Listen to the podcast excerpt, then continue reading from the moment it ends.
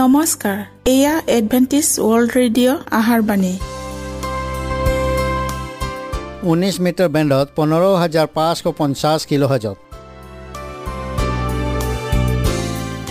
Adventist World radio যোগে অসমীয়া ভাষাত প্ৰচাৰিত আহাৰবাণী প্ৰত্যেক বুধবাৰ আৰু দেওবাৰ সন্ধিয়া সাত বজাত আহাৰবাণী শুনাৰ পিছত আপোনালোকৰ কিবা মন্তব্য আৰু প্ৰশ্ন থাকিলে আমালৈ এই ঠিকনাত লিখক। আমাৰ ঠিকনাটি হৈছে Adventist world radio' seven day Adventist মণ্ডলী অসম শাখা লতাকাটা বশিষ্ঠ গুৱাহাটী সাত আঠ এক শূন্য দুই ন।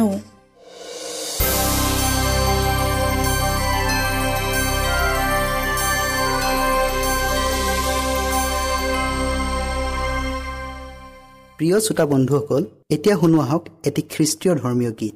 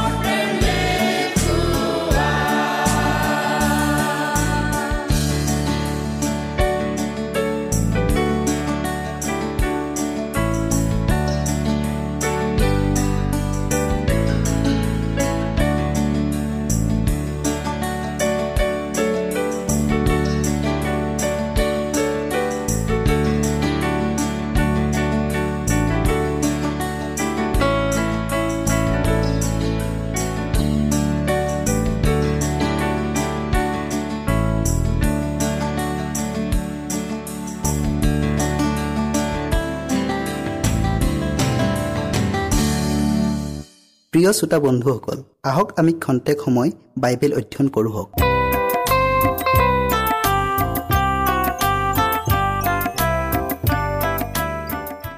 আজিৰ বিষয় হৈছে আজি ৰাতিয়েই যদি স্বৰ্গৰ দূতগণে আপোনাক বিচাৰি আহে আপোনাক ক'ত পাব বাৰু?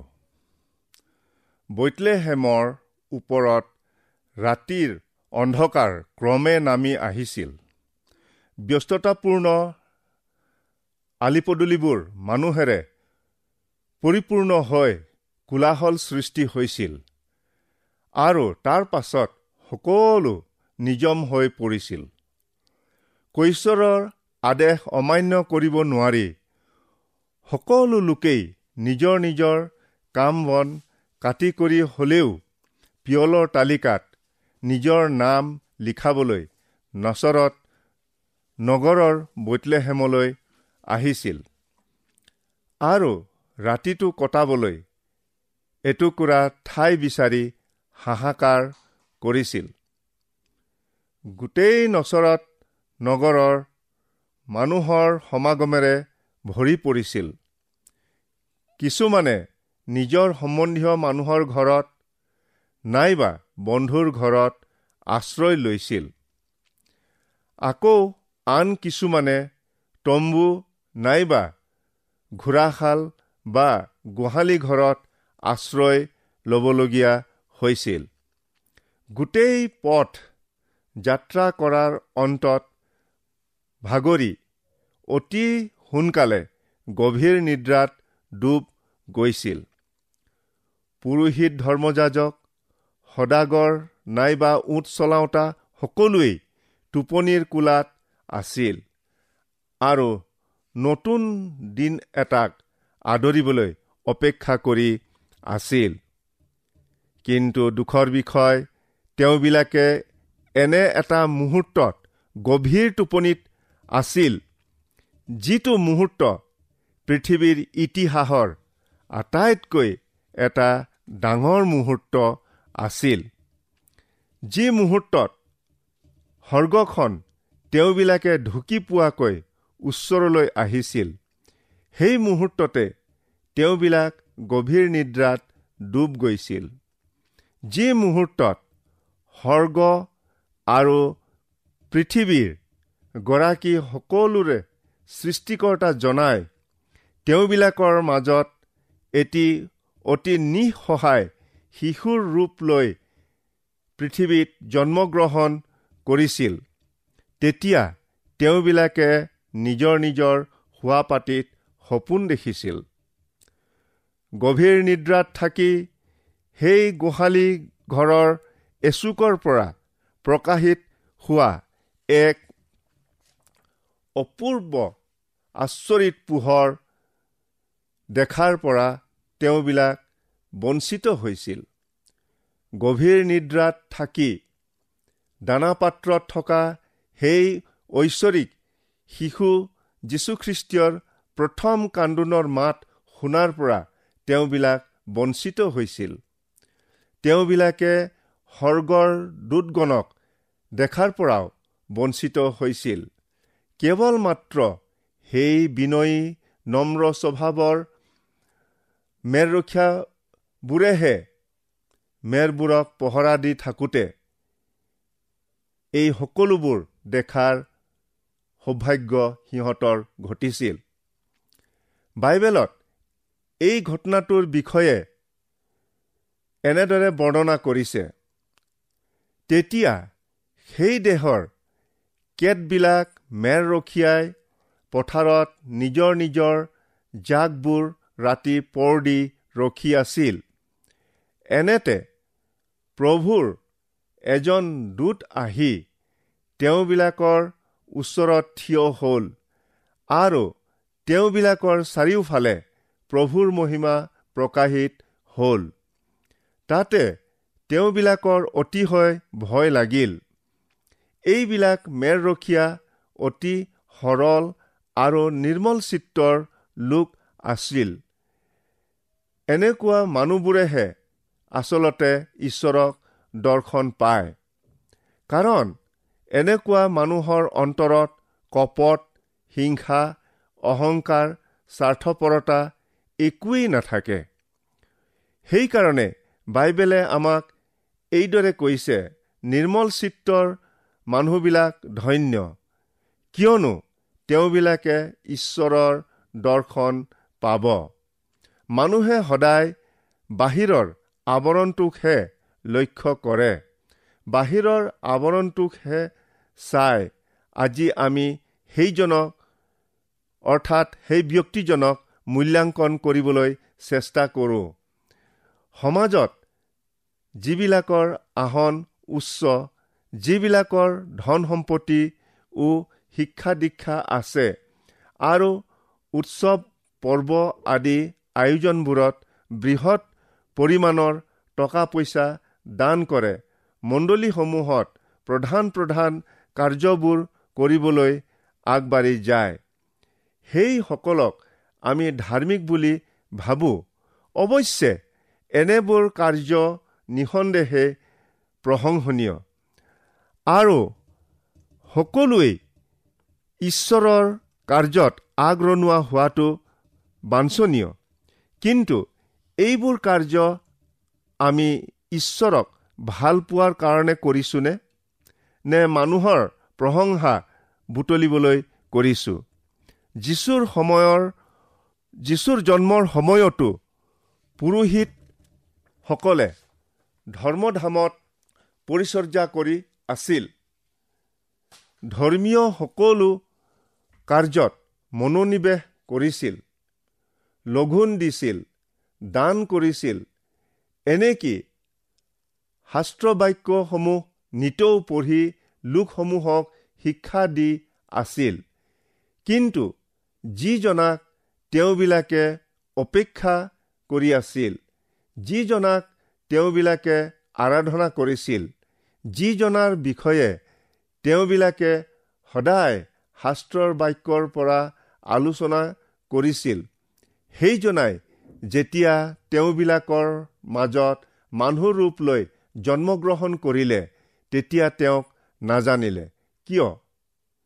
তেওঁবিলাকে যিবোৰ কাৰ্য মানুহৰ আগত কৰিছিল সেই কাৰ্যবোৰ ঈশ্বৰৰ দৃষ্টিত গ্ৰহণীয় হোৱা হলে তেওঁবিলাকে শিশু যীশুক নিশ্চয় চিনিব পাৰিলেহেঁতেন।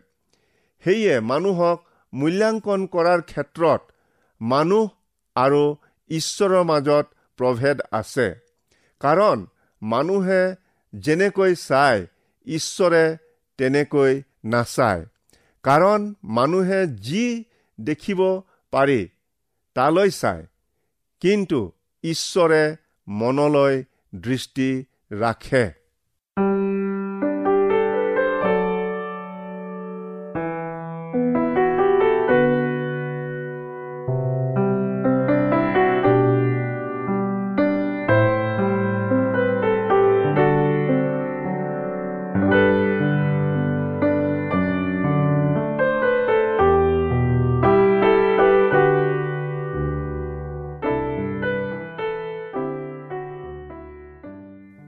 যিহুদী জাতিটোৱে আহিব লগা মচীহ অৰ্থাৎ অভিষিক্ত প্ৰভুলৈ অপেক্ষা কৰি আছিল।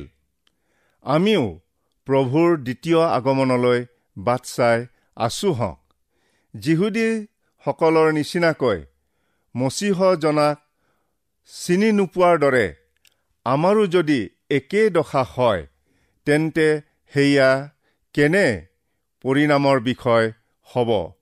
গতিকে আমাৰ আটাই কাৰ্য ঈশ্বৰৰ দৃষ্টিত গ্ৰহণীয় হোৱাকৈ তেওঁৰ ইচ্ছাক জানিবলৈ চেষ্টা কৰোঁ হওক। এই বৰদিনৰ বতৰত তেওঁৰ ইচ্ছা পালন কৰিবলৈ সংকল্প কৰোঁ হওক। মানুহে নিজৰ মনত বহুতো কল্পনা পুহি ৰাখে কিন্তু সেইবোৰ ঈশ্বৰৰ দৃষ্টিত শুদ্ধনে মানুহৰ মনে নিজৰ পথৰ বিষয়ে কল্পনা কৰে কিন্তু জিহুৱাই তাৰ ভৰিৰ খোজ নিৰূপণ কৰে। কোনো কোনো পথ মানুহৰ দৃষ্টিত সৰল বোধ হয় কিন্তু সেয়ে মৃত্যুৰ পথ এয়া ঈশ্বৰৰ বাক্য। ত্ৰাণকৰ্তাৰ জন্মৰ বাতৰি দিবলৈ সেই সময়ত কিমান সংখ্যক মানুহ জাগি আছিল। গোটেই নগৰ টোপনিত লালকাল হৈ শুইহে আছিল। আটাইতকৈ মহান সুবাৰ্তা তেওঁলোকলৈ আহিছিল। সেই সময়ত তেওঁবিলাক শুই আছিল। এয়া কেনে দুৰ্ভাগ্যজনক আছিল। সেই সময়ত আপুনি যদি বৈতলেহেমত থাকিলেহেঁতেন তেন্তে আপোনাক ক'ত পালেহেঁতেন বাৰু? সেই পুৰোহিত বিধান পণ্ডিত বা সদাগৰ নাইবা বণিকসকলৰ দৰে গভীৰ নিদ্ৰাত অথবা মেৰৰখীয়াসকলৰ দৰে জাগি থকা অৱস্থাত দেখা পালেহেঁতেননে আৰু আজি যদি স্বৰ্গদূতগণে খ্ৰীষ্টীয়ৰ দ্বিতীয় আগমনৰ বাৰ্তা আনে আমাৰ মনোভাৱ কেনে ধৰণৰ হ'ব বাৰু? তেওঁবিলাকে আমাক আত্মিকভাৱে গভীৰ টোপনিত থকা দেখা পাবনে? নাইবা অসাৱধান আৰু অযুগুত অৱস্থাত পাব। প্ৰকৃততে আজি সেই একে সুবাৰ্তা স্বৰ্গদূতবিলাকে বৰ্তমানৰ মানৱ জাতিটোক জনাই আছে। বাইবেলত ইয়াক এইদৰে বৰ্ণনা কৰিছে পাছে আকাশৰ মাজত আন এজন স্বৰ্গদূতক উৰি ফুৰা দেখিলোঁ। তেওঁ পৃথিৱীত বসতি কৰাবিলাকক অৰ্থাৎ সকলো জাতি ফৈদ ভাষা আৰু লোকবিলাকৰ আগত প্ৰচাৰ কৰিবলৈ অনন্ত সুবাৰ্তা পাই বৰ মাতেৰে ক'লে ঈশ্বৰক ভয় কৰি তেওঁৰ গৌৰৱ স্বীকাৰ কৰা হওক। কিয়নো তেওঁৰ সুদবিচাৰৰ সময় আহিল আৰু সৰ্গ পৃথিৱী সাগৰ জলৰ ভুমুকবোৰ এই সকলোৰে সৃষ্টিকৰ্তাক প্ৰণিপাত কৰা হওক। গতিকে বৈতলেহামত জন্ম হোৱা সেই নিসহায় শিশুটিৰ সুবাৰ্তা যিবিলাক স্বৰ্গদূতে আনিছিল সেই একেই স্বৰ্গদূতবিলাকে যীশুখ্ৰীষ্টীয়ৰ দ্বিতীয় আগমনৰ অনন্ত সুবাৰ্তাক প্ৰতাপ আৰু গৌৰৱেৰে প্ৰকাশ কৰিছে। আপুনি সেই সতৰ্কবাণীৰ সুবাৰ্তা শুনিছেনে? আপোনাৰ উত্তৰ কি হ'ব বাৰু? হে প্ৰভু যীশু আহক এই বুলি অতি আগ্ৰহেৰে আপুনি ক'বনে? নতুবা কোনোবা এটা দিনত সকলো দূতক লৈ তেওঁ পৃথিৱীলৈ নিশ্চয় আহিব। তেতিয়া আকৌ এবাৰ আকাশখন স্বৰ্গীয় দূতগণেৰে পৰিপূৰ্ণ হ'ব আৰু স্বৰ্গত ঈশ্বৰৰ মহিমা বুলি তেওঁৰ স্তুতি কৰিব। তেতিয়া তুৰিৰ মহা শব্দেৰে তেওঁৰ নিজৰ দূতবিলাকক পঠাব। তাতে তেওঁবিলাকে আকাশৰ এক সীমাৰ পৰা আনটো সীমালৈকে চাৰিওফালৰ পৰা তেওঁৰ মনোনীতবিলাকক আনি গোটাব। এই স্বৰ্গদূতগণ আমাৰ কিমান ওচৰলৈকে আহিব বাৰু? সেই ৰাতি বৈতলেহেমৰ অহাৰ দৰে আহিবনে বাৰু? মনত ৰাখিব। যিবিলাকে সমস্ত হৃদয় আৰু চিত্তেৰে তেওঁক প্ৰেম কৰে আৰু তেওঁৰ সকলো বিধান পালন কৰে এনে তেওঁৰ মনোনীত লোকসকলক নিবলৈহে তেওঁ আকৌ আহিব। সেয়া কেনে আশ্চৰ্যৰ দিন হ'ব? সেয়া চালনীৰে চলা দিন হ'ব। কাৰণ স্বৰ্গীয় দূতগণে মনোনীত লোকবিলাককহে গোটাব। আৰু অধৰ্মী অবাধ্য আজ্ঞানমনা ভণ্ডামীসকলক সেইদিনা গোটাই অগ্নিকুণ্ডত পেলাব। আজি যদি স্বৰ্গীয় দূতগণে আপোনাৰ ওচৰলৈ আহে আপোনাক ক'ত পাব বাৰু।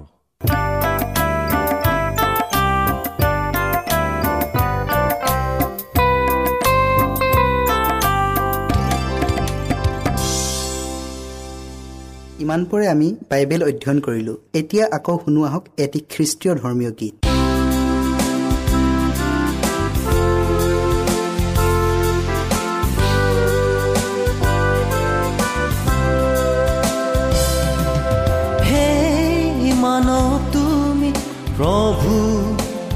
কিয় সন্দেহ কৰা।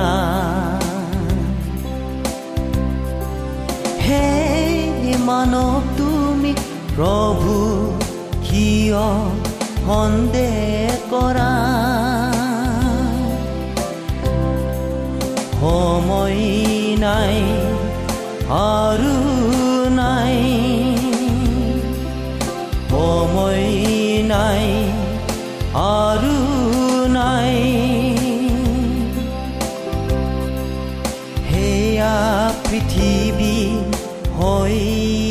আহিল হাই উৰুমি হৈ আহিল পৃথিৱী মাথোন অশান্তি হে মানৱ তুমি প্ৰভু কিয় সন্দেহ কৰা মানৱ তুমি প্ৰভু কিয় সন্দেহ কৰা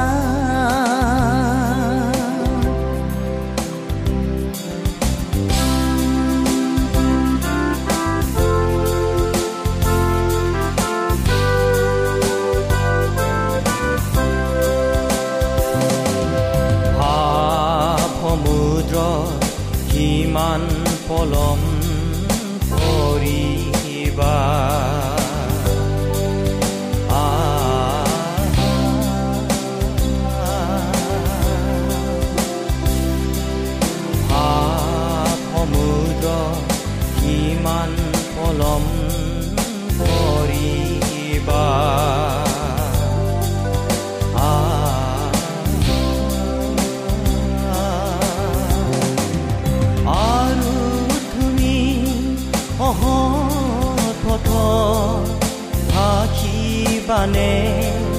সকলো সময়।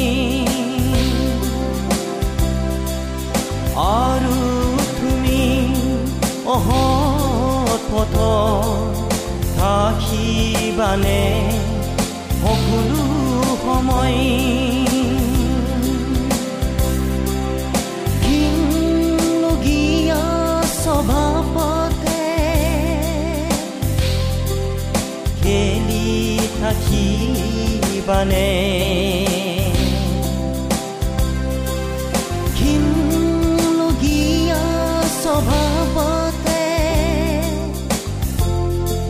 খেলি থাকিবানে